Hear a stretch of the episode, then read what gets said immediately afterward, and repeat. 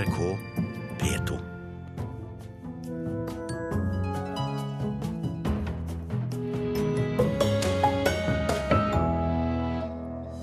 Musikksalget øker takket være strømming, viser nye tall.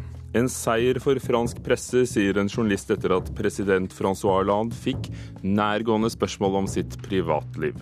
Og nå starter kampen om rockelytterne på DAB-radioen. P4 for kanalen P6 Rock, og NRKs nye radiokanal ser dagens lys om kort tid. Dette er saker i Kulturnytt med Ugo Fermariello her i Nyhetsmorgen, herfra til halv ni. Musikkmarkedet i Norge steg med 11% i fjor.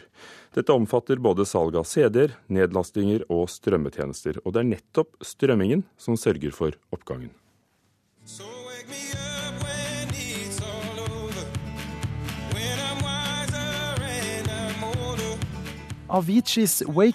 var den mest strømmede låta på Spotify i Norge i 2013.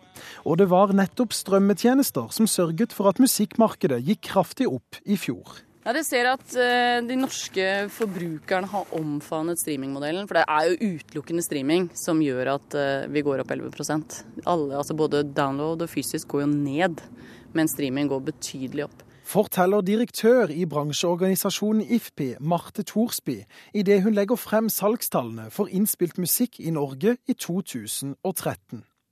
Strømmetjenester står nå for to tredjedeler av det totale markedet. Her er Spotify og Vimp de to største tjenestene. Tilbake i 2010, da, tre år siden, så var streaming 13% av markedet. Nå er det 65% av markedet. Også folk på gata i Oslo foretrekker strømming. Bruker Spotify, for da har jeg alltid ting med meg. Veldig greit å liksom ha alt på en PC eller på mobilen, istedenfor å måtte drasse med seg CD-er. Nei, altså alle de CD-plateminnene jeg har, de ligger vel eh, i småbiter rundt omkring i biler som jeg har hatt, som er eh, Altså, jeg tar ikke godt nok vare på det.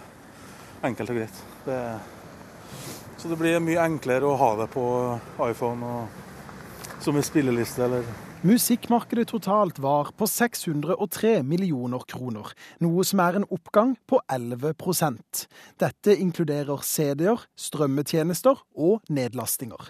11% er mye. Eh, det er ikke mange markeder som går opp 11% I år så er det nok ingen. Jeg tror vi er helt alene. Eh, Sverige kommer nok til å følge sånn omtrent uh, hakket hæl, holdt jeg på å si. Men de aller fleste andre markeder ligger bare med små endringer, og en del går fremdeles ned.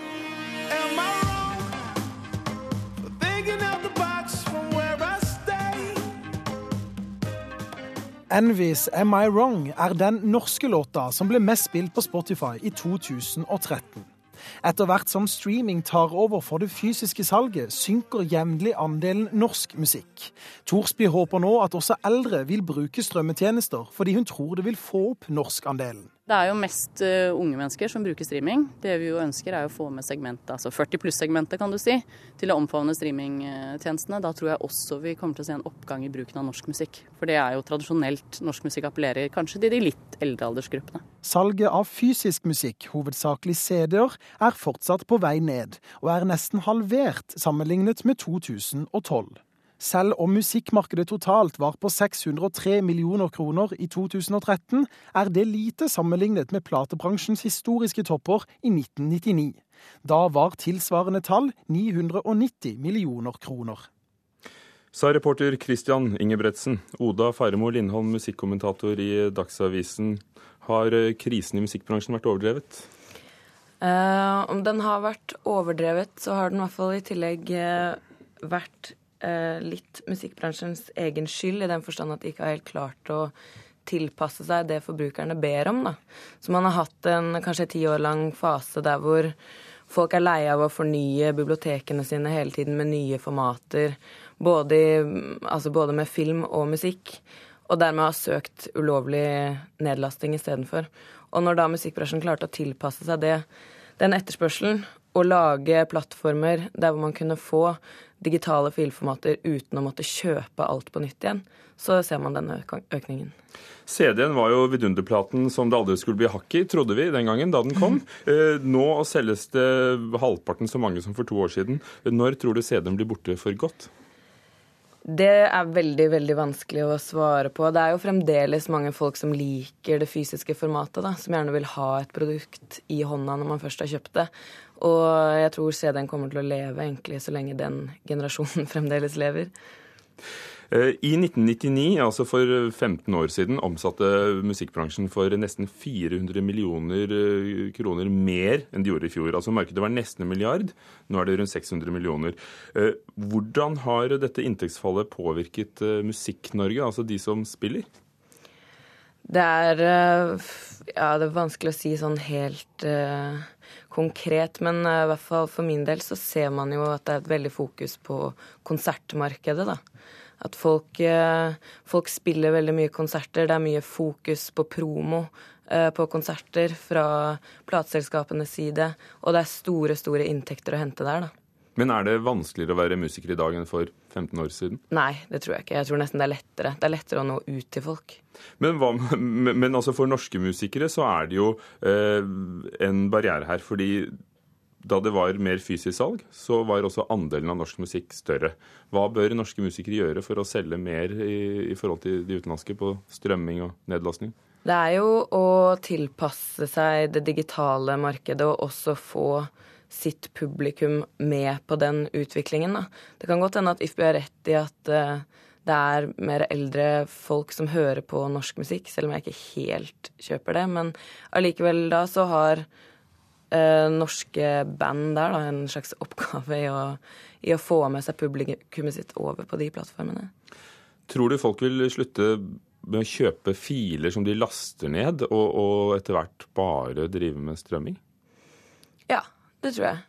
Folk eh, har ikke nødvendigvis Altså sånn I utgangspunktet så er jo eh, tar jo CD-er og, og fys andre fysiske formater Det tar jo mye plass. Og som de sa i, i, reportasjen tidligere, så er det jo utrolig praktisk å kunne ha med seg musikkbiblioteket sitt overalt. Og det tror, jeg, det tror jeg forbrukerne setter enorm pris på. Takk skal du ha, Oda Faremo Lindholm, musikkommentator i Dagsavisen, som kommenterte tallene som altså viser at uh, musikkbransjen økte omsetningen med 11% i fjor.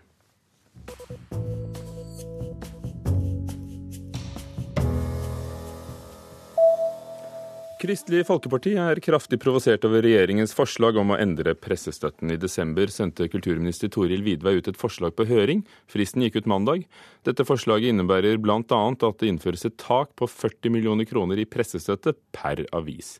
KrFs mediepolitiske talsmann sier til Dagens Næringsliv i dag at ministeren går for fort frem og bør ta en tenkepause for å snakke med Stortinget. Vidvei sier hun vil ta Venstre og KrF med på råd, men at målet er å legge om ordningen i 2014.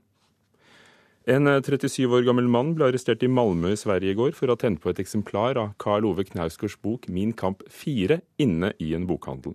Til politiet skal mannen ha sagt at han tente på boken fordi han mente Knausgård er den verste forfatteren gjennom tidene. Brannen ble raskt slukket, og politiet vurderer nå hva de skal sikte mannen for.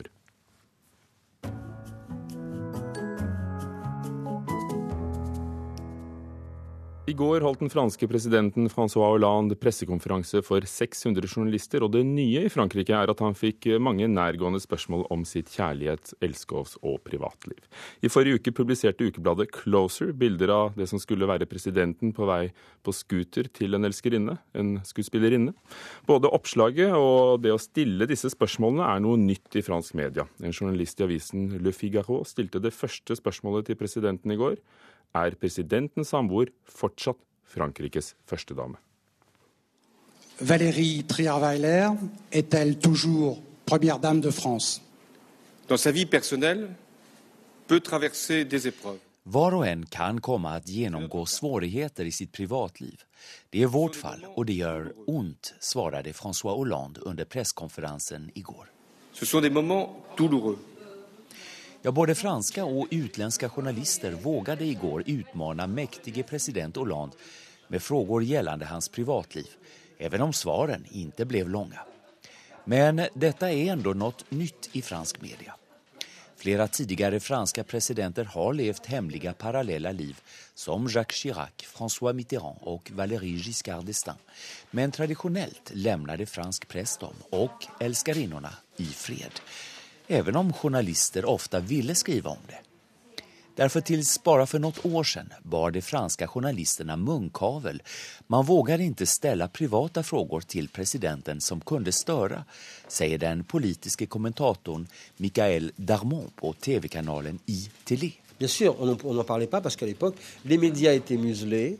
Euh, euh, Franska journalister vågade tyvärr inte tala om sanningen på grund av eventuella sanktioner från politikerna som på denna tiden hade en obeskrivbar makt över media, förklarar Absolut. Monarki absolut. Nyheten om de påstådda ryktena att François Hollande har en älskarinna slog ner som en bomb i media i förra veckan. Affären späddes på ytterligare när det meddelades att presidentens sambo Valérie Trierweiler blivit förd till sjukhus. Många är de som anser att president Hollande begått ett klart felsteg som har en kärleksaffär vid sidan av sitt förhållande. Debatterna i tv är många och livliga. Fast journalisten Bruno Roger Petit på politiska veckotidningen Le Nouvel Obs anser att skvallertidningen som avslöjat nyheten orsakat onödigt lidande för Hollande och de inblandade kvinnorna.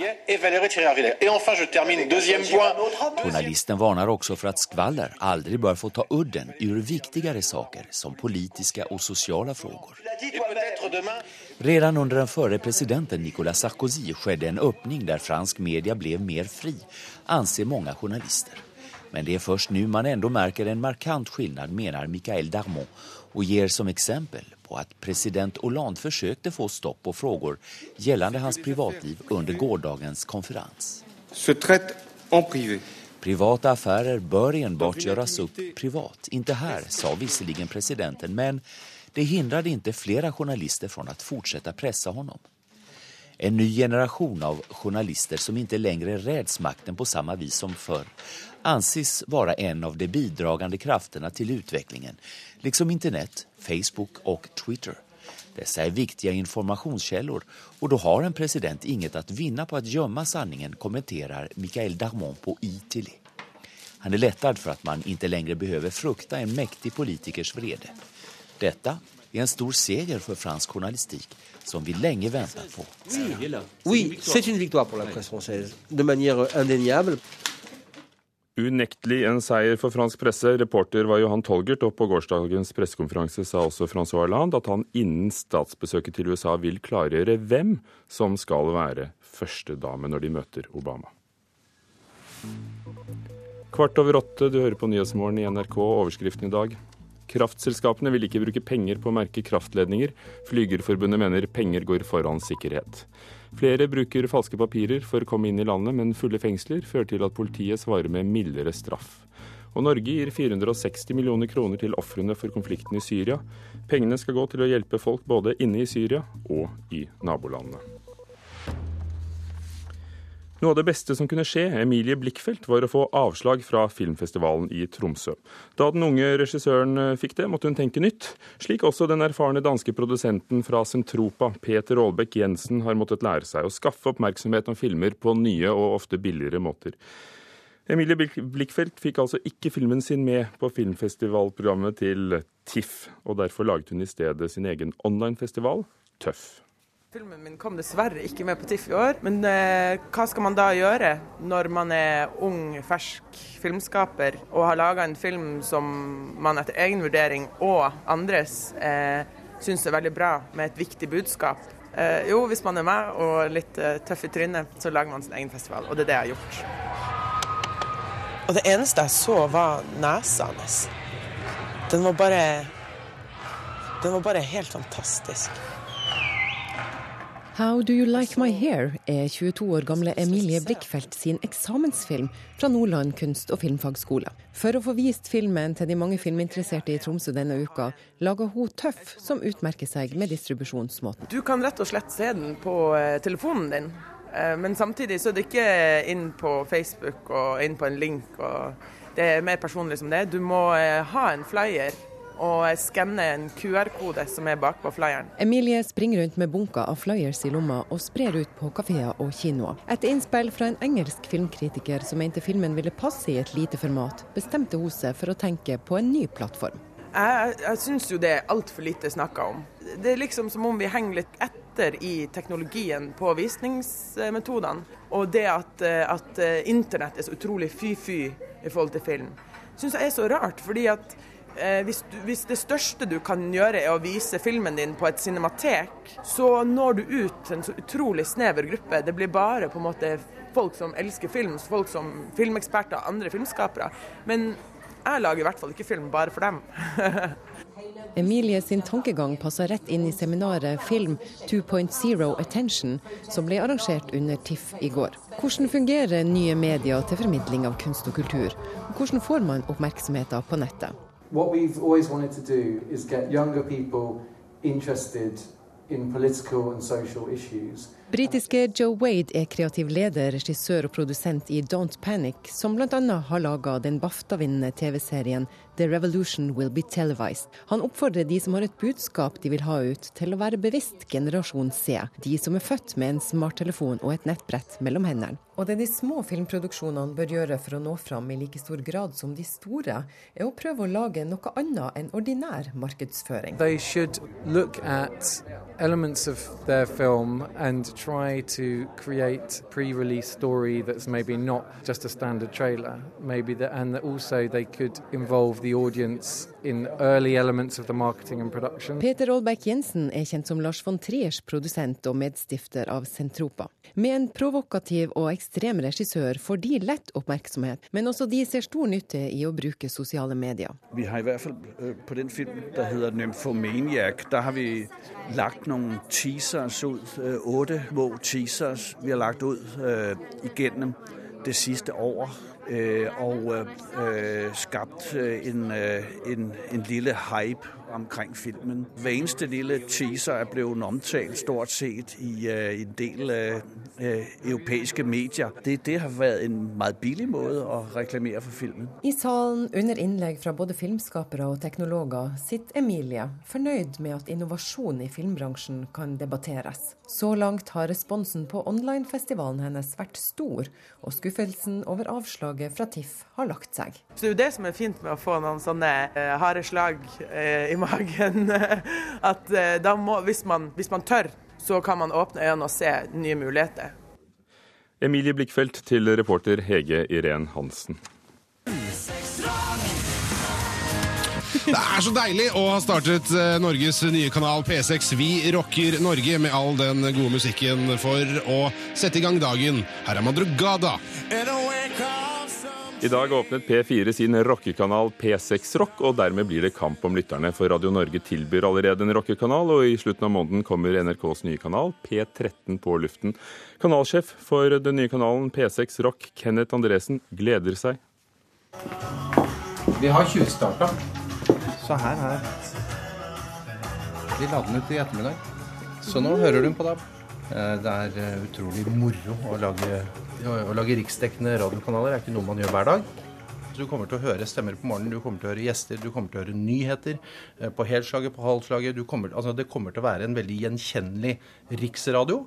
Og hvor den store forskjellen kommer til å være at det bare er rockemusikk. P6 Rock blir heldigital. Du kan høre den på DAB radio eller på nettet. Der får den i slutten av måneden selskap av NRKs rockekanal P13, der Stig Holmer er kanalsjef. Men han vil ikke kalle den nye kanalen en ren rockekanal. Men det blir jo populærmusikk, som rock er. Eh, men også smalere sjangere, og ikke bare hitene, ikke bare slagerne, som det het for 40 år siden, til eh, de forskjellige artistene de kjente artistene. Men vi kommer også til å spille såkalte albumspor, altså andre fine låter som de har spilt inn som man ikke har hørt så mye på radio opp gjennom tidene. Og vi kommer til å spille artister som er mindre kjent. Vi tenker at det er yngre voksne som skal være lytterne våre. Sånn eh, de som eh, gjerne vokste opp med den musikken vi kommer til å spille, som er populærmusikk fra 70-, 80- og 90-tallet i hovedtrekk. Så de som var unge den gangen og dannet sin musikksmak i de årene, de vil komme til å elske P13. Holmer frykter ikke konkurransen fra P6 Rock. Han tror de to digitale kanalene kommer til å utfylle hverandre. Konkurrenten i P6 Rock er enig. Hvis man skal tro eh, den søknaden NRK har sendt inn, eh, så er det jo det en kanal som eh, skal spille de forsyne seg av rockelåtene som ikke er fullt så kjente. Det er jo en stor forskjell. Vi skal bare forsyne oss av veldig kjente rockelåter. Det som kommer til å være den, som jeg sier, den store forskjellen med P6 Rock, er jo at det er en fullservicekanal. Eh, eh, det er ingen andre rockekanaler på markedet som er fulle nasjonale kanaler. Det finnes noen rocketilbud som er si, mer automatiserte kanaler. Mens det store forskjellen er at dette vil være en gjenkjennelig Eh, stor radiokanal, sånn som du er vant til å høre på, eh, men hvor forskjellen er rock hele tiden. Kanalsjefen i P6 Rock, Kenneth Andresen, til reporter Tone Staude. Andreas Wiese, mediekommentator i Dagbladet. Radio Norges rockeradio sendes allerede i store byene. P4 og NRK er riksdekkende. Av disse tre, hvem vil vinne lytterne, tror du? Hvis du snakker om antall, så vil jo helt andre kanaler uh, lytte. Disse tre her slåss vel kanskje til sammen om 3% av markedet, og så vil 97% gå til de kanalene vi allerede kjenner godt. Slik at uh, de kommer til å være tre veldig små radioer som slåss om noe av den samme nisjen. Og Det er alltid vanskelig å spørre hvem av dem som kommer til å treffe, men det kommer nok til å ha noe med distribusjonen å gjøre. De to riksdekkende DAB-kanalene P4 og NRK bedyrer, altså det hørte vi sjefene si, at de ikke frykter konkurransen fra hverandre. Men bør de kanskje gjøre det? Nei, egentlig ikke. For noe av det samme. ikke sant? Når 97% kommer til å høre på andre kanaler, så er det store markedet for å få nye lyttere de 97% ikke de 3% som de kommer kanskje til å ha seg imellom. Nå viser statistikken at 40% av radiolyttingen i Norge skjer digitalt, enten på DAB-radio eller også på internett. Og så har myndighetene satt et krav uh, på at minst halvparten må lytte digitalt uh, i løpet av 2014 hvis FM-nettet skal slukkes om tre år. Altså, NRK og P4 kan spare store penger hvis de lykkes med dette her. Er er den vellykket, den strategien de har nå med å starte stadig flere radiokanaler? Ja, det tror jeg den er. At man blir stadig mer kjent på at det er et bredere tilbud på DAB enn det er på FM-nettet. Det er en klar fordel for at folk skal kjøpe DAB. Det store problemet de har, er jo bilene, ikke sant? hvor det er en rekke som har gamle FM-sendere i bilene sine, og det ikke er fullt så lett å kjøpe en ny radio som det er på kjøkkenbenken hjemme. Det blir mange flere kanaler. Tror du det blir mye nytt innhold? Nei, det hørtes jo ut som de skulle spille mye av den samme musikken, for å si det slik. Altså, radiokanaler nå kan jo være alt mulig fra en litt lang Spotify-liste med et menneske som prater om lista si, til noe som er som de kaller fullservice-kanaler, hvor det er litt mer snakkeinnslag og litt mer ting. Slik at hva disse kanalene kommer til å bli, Eh, får vi vente og se. Men det som er sikkert, er at siden de ikke blir større enn de blir, så må de kjøre på ganske små budsjetter. Muligens med unntak av NRK, da. Og for eh, P4 så vil det også være snakk om å, å skaffe annonsører. Eh, vil, vil, de være store og gode nok til det, tror du? Jo, men Det er noe av ideen her. ikke sant? At disse radioselskapene som har en rekke forskjellige kanaler, de selger annonser på tvers av kanalene sine. For de kan selge til forskjellige målgrupper og levere de forskjellige målgruppene på forskjellige måter. Og slik kan de bruke disse små kanalene til å supplere og justere og gå inn og ut på hva annonsørene vil ha til. Slik at det er ikke én kanal som har sitt eget annonsemarked. De selger på tvers av disse her. Og det er også derfor de på en måte er alle sammen interessert i å være inne i dette markedet. Fordi de må kunne ha det samme tilbudet i sin butikk for annonser som konkurrenten har. Takk skal du ha, Andreas Wisse, kommentator i Dagbladet.